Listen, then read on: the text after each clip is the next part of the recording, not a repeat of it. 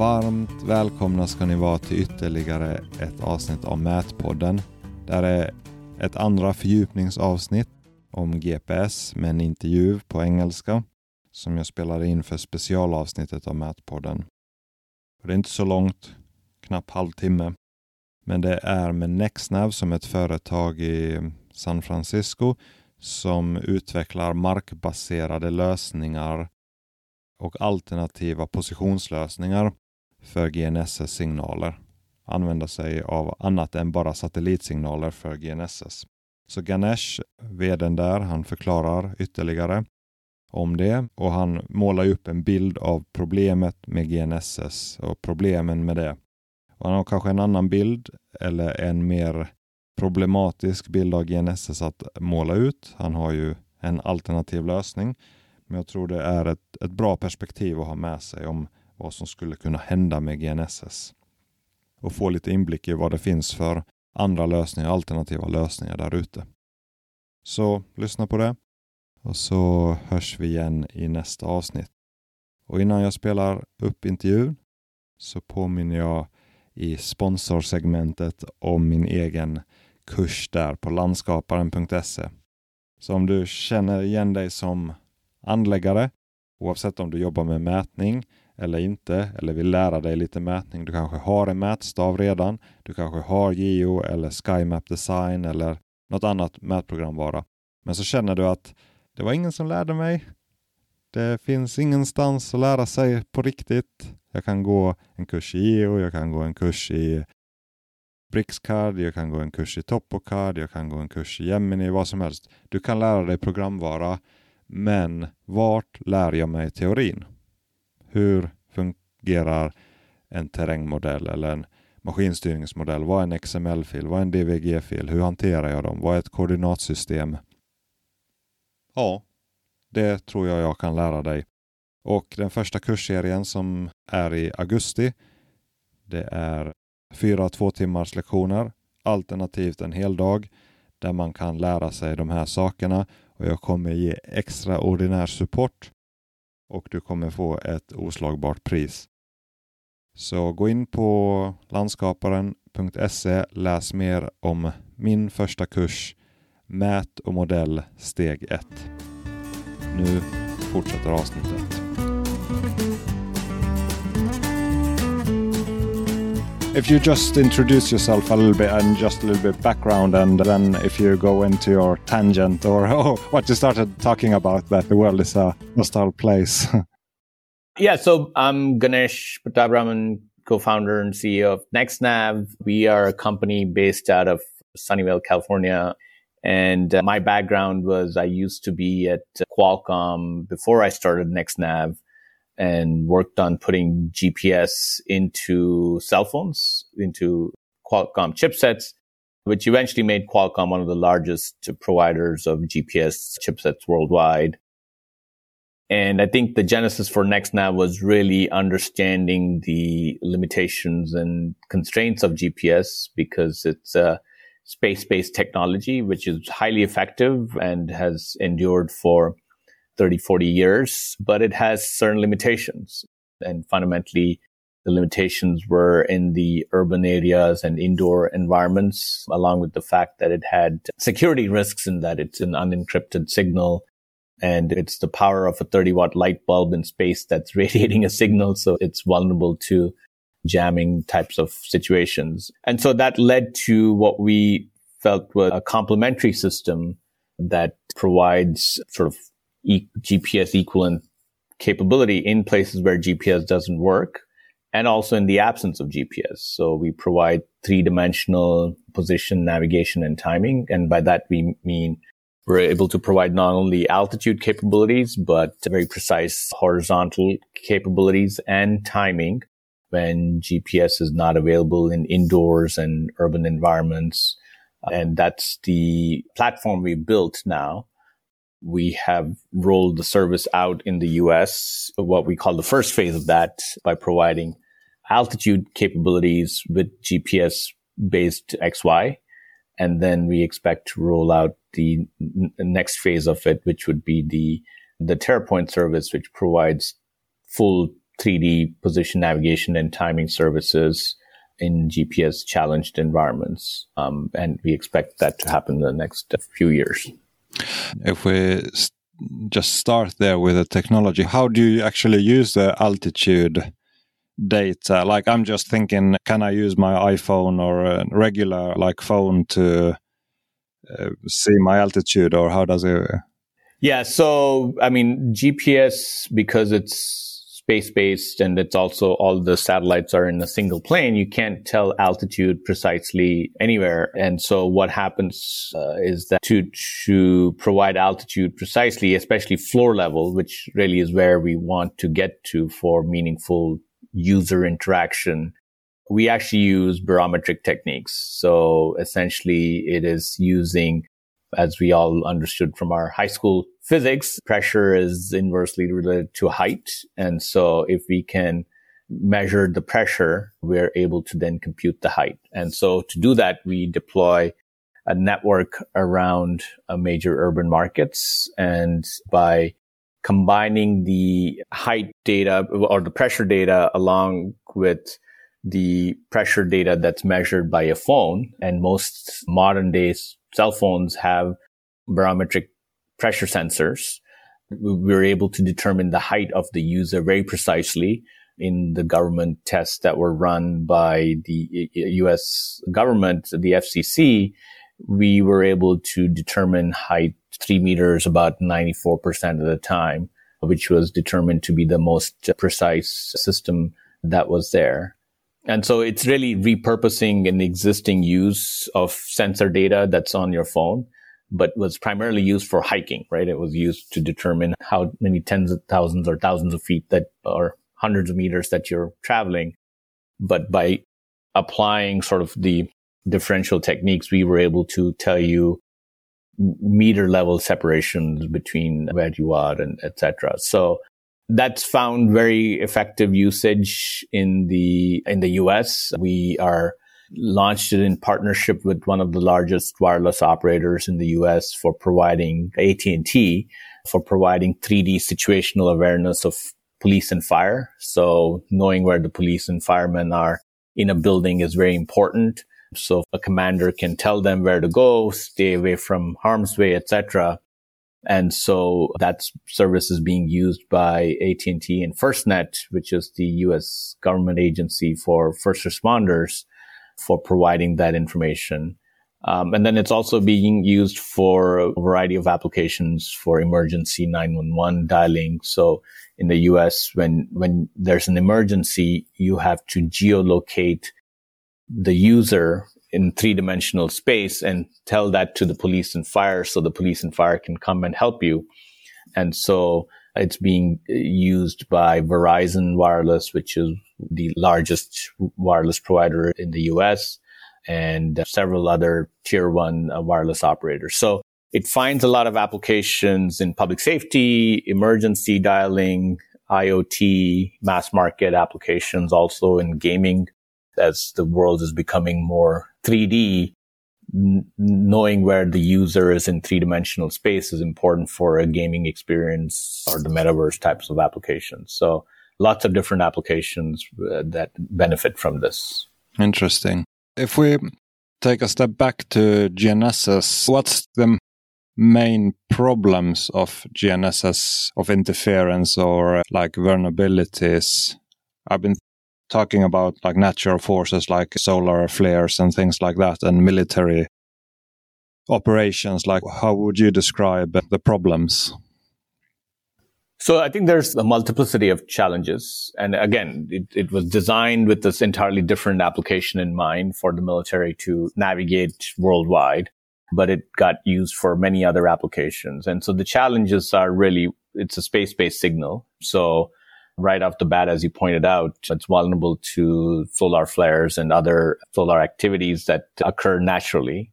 Secondly, it radiates a signal at 30 watts, which is the power of a, your light bulb in your bedroom from space. So it's coming down a few thousand kilometers down to earth. And so it's very easy to what they call jam. So I can send a, a signal from alternate device on the ground and essentially make the space-based signal unreceivable.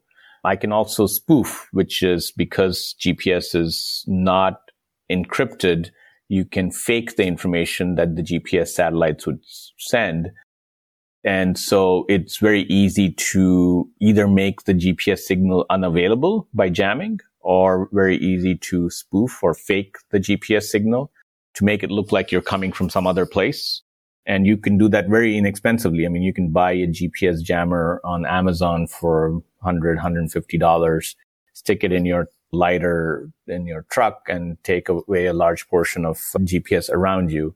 So it's, it's relatively easy to do. And then it also got limitations that, you know, physically, because it's a space-based signal, it doesn't work in the places where we live, work, and play, indoors, urban areas, and then also can't tell you what altitude you're at. So, you know, I think there's a number of these kinds of limitations that exist in GPS just by the nature of it. It is an important element of the overall geolocation ecosystem, but it certainly does need some help in, in some of these key areas. What would you say, how common is the jamming and spoofing in in real life? Like, do you have examples of like?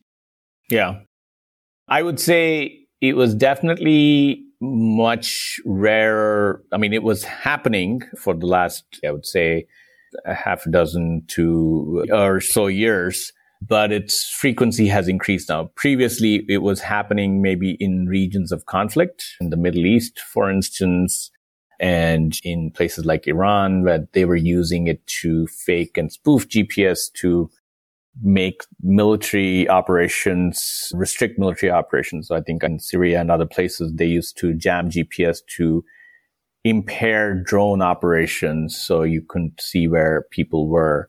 Or in Iran, there was one theory that was floated that the U.S. Navy SEALs who were pulled away from the waters were directed or misdirected by GPS spoofing.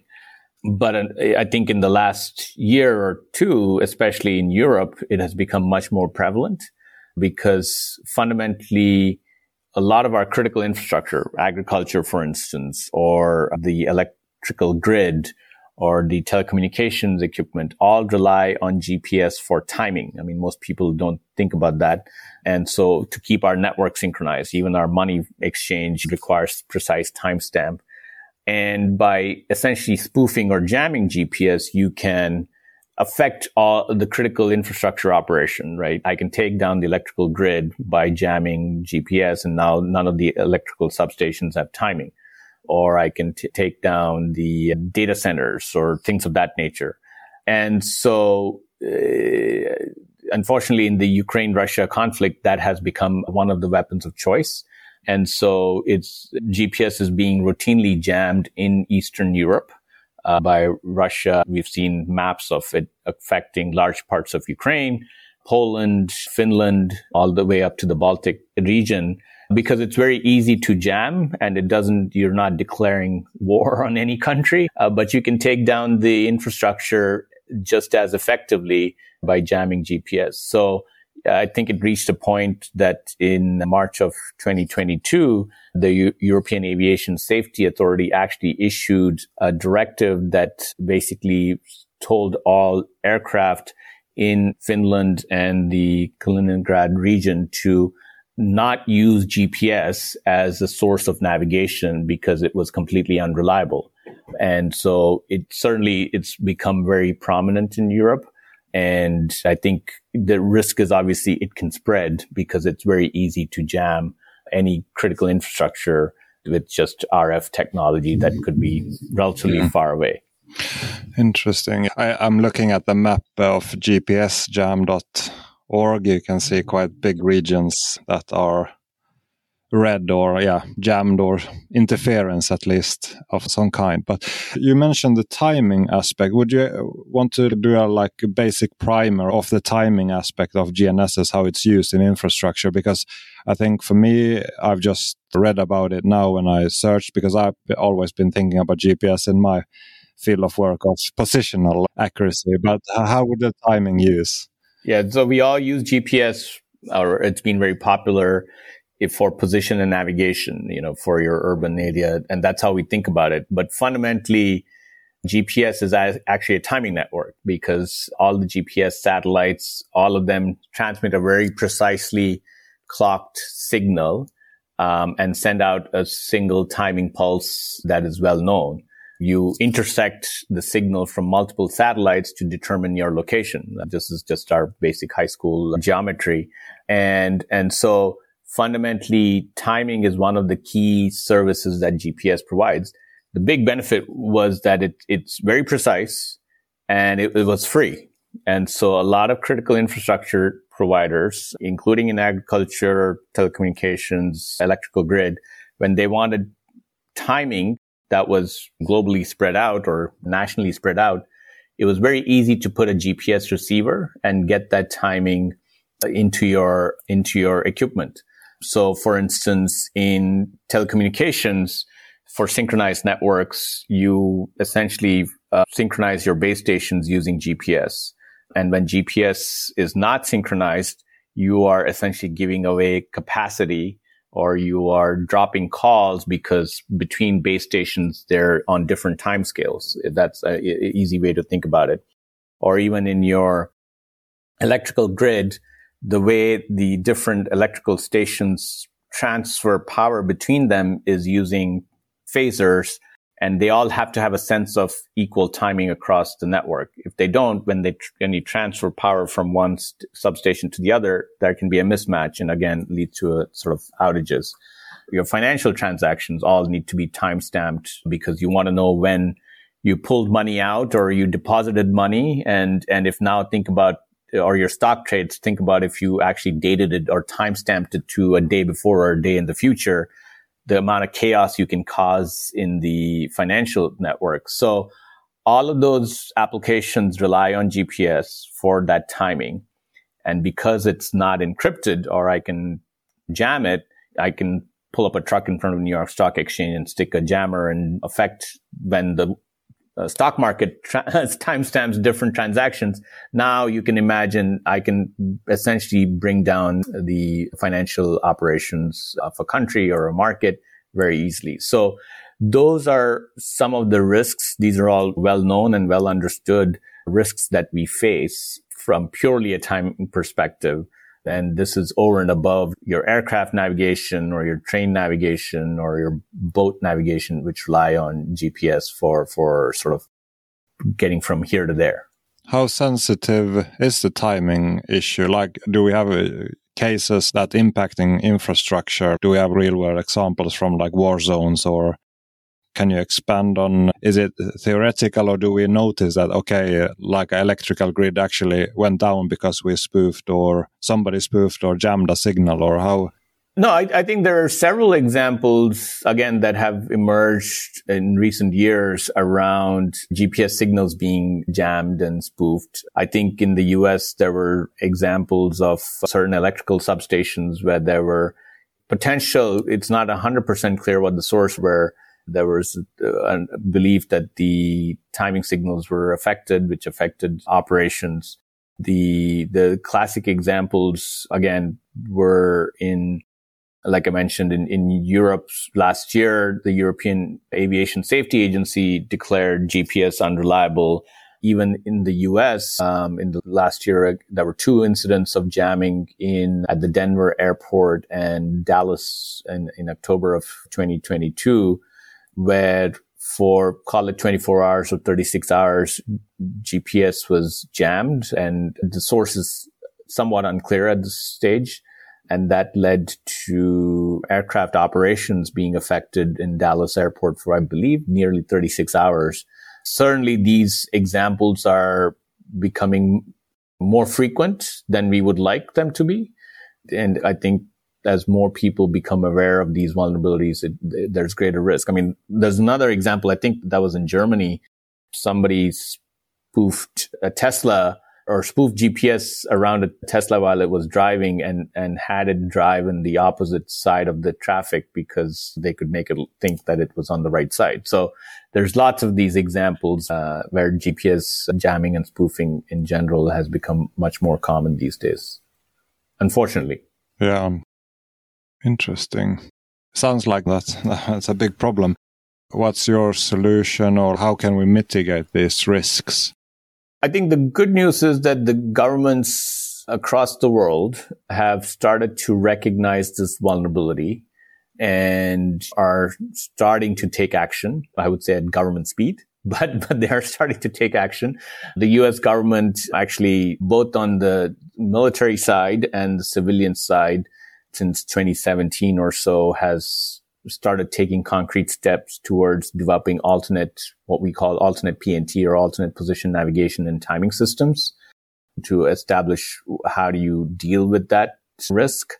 And so the US government did a, a study of alternate PNT technologies in 2020 where they looked at 10 or 11 different technologies and evaluated them for performance. The European Commission last year did a study of seven different alternate PNT technologies to understand what are the alternates to GPS and how could they be uh, leveraged. And so the good news is the governments are starting to recognize this problem. There are technologies available like ours. You know, we haven't talked too much about our TerraPoiNT solution but essentially we deploy essentially terrestrial GPS like satellite on the ground and we transmit a signal that's, that's like a GNSS signal. And more recently, we've been able to combine that with cellular signals to really provide a resilient position navigation and timing. And we're able to deliver position navigation and timing in the urban areas. We can operate independent of GPS. Our signals are encrypted. We can tell you what height you're at. So systems like ours have come into play, which truly provide a complementary service, being able to work in indoor urban 3D types of capabilities, in addition to providing the security constraint or, or, overcoming the security constraints that GPS or vulnerabilities that GPS has. So I think those are, that's the good news. I think the part that's challenging is how do you affect the entire economy? I mean, if you think about it, GPS or GNSS, Galileo system included, affects a large part of the economy. It affects agriculture, it affects telecom, it affects aviation, transportation. And so I think an approach that starts addressing those vulnerabilities in specific markets and applications is, is important. And so uh, the US government is taking the approach of starting with specific industries and trying to build resiliency into them. We think the European Commission will also start doing the same type of approach. I think it's important to recognize that there's multiple solutions that come into play that need to solve this. And also there's a need for governments to stand behind it because fundamentally the insurance policy, the alternate PNT technologies that, that are available are really uh, competing with the free primary service, right? GPS and GNSS are free services. So there's a market anomaly that needs to be overcome if truly the alternate PNT technologies have to come into play and complement that.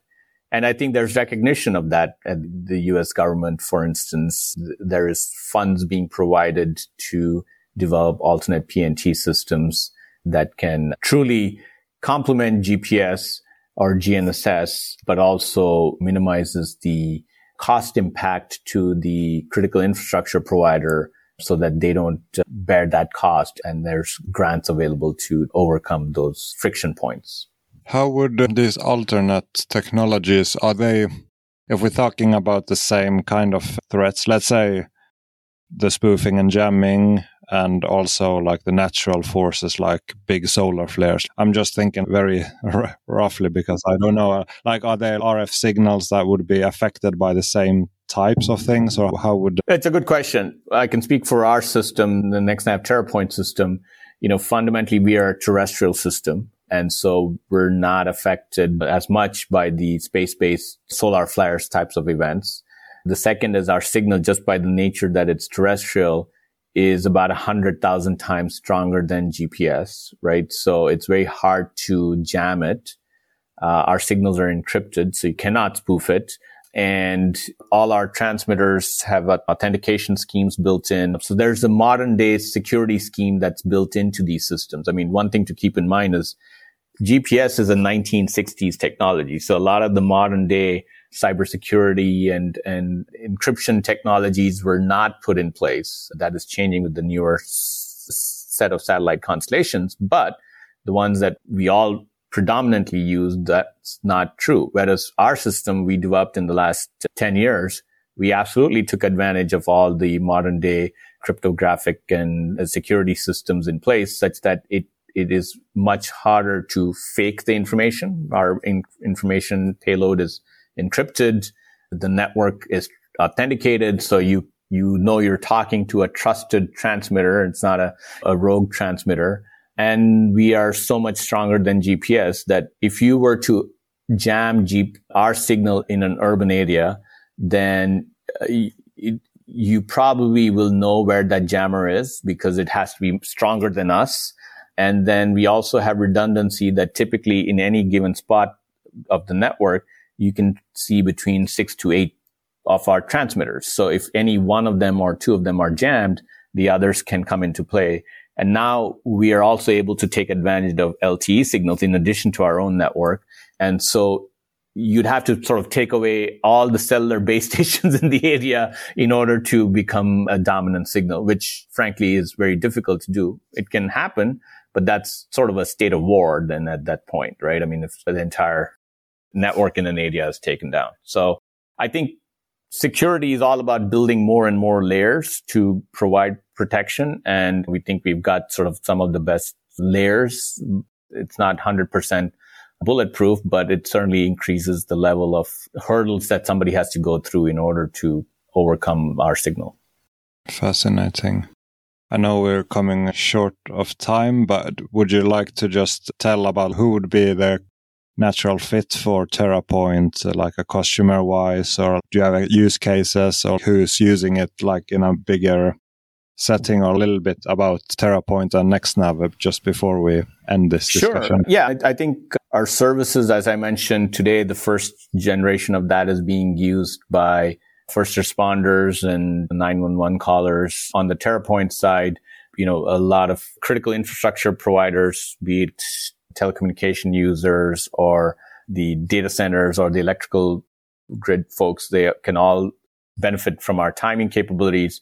Our position navigation capabilities are already being used. Like, for instance, NASA is using our system for urban drone operation in several of their centers because they want to be able to operate in the downtown San Francisco or downtown Berlin. And you've got lots of high rises buildings and it's blocked and you want to be able to navigate independent of GPS. And so those are some of our current customers. And I think as, as the awareness of this issue increases, we expect more and more of these services to be leveraged by a large number of these critical infrastructure companies. Fascinating. Thank you for the rundown here. Where can we find more if we're interested, like articles you've written or your homepage, or how can we follow this? Yeah, topic? absolutely. We have obviously our website is a great place at www.nextnav.com. N-E-X-T-N-A-V is a good place. We've got a large social media presence also where we post relevant articles and reports and there's data there. I think if you look at even the European Commission or US Department of Transportation, uh, there are studies that have been done by various government agencies on the vulnerabilities of PNT and understanding of it is available there. The U.S. National Institute of Standards and Technology has published a report, I think in 2019, which looked at sort of the overall economic impact of GPS, which I think is a is a good read. It's a thousand plus pages, but it's a good read. but but it tells you the magnitude of the issue and and and sort of the risk that we're sort of up against. Awesome. Thank you very much for your time and the enlightening information. Absolutely. Thanks for uh, reaching out, Jonathan. It was great talking with you, and uh, we'll keep moving forward on this. Thank you very much for your time, Ganesh, and All right. have a good day. Bye. All right. Thanks, Jonathan.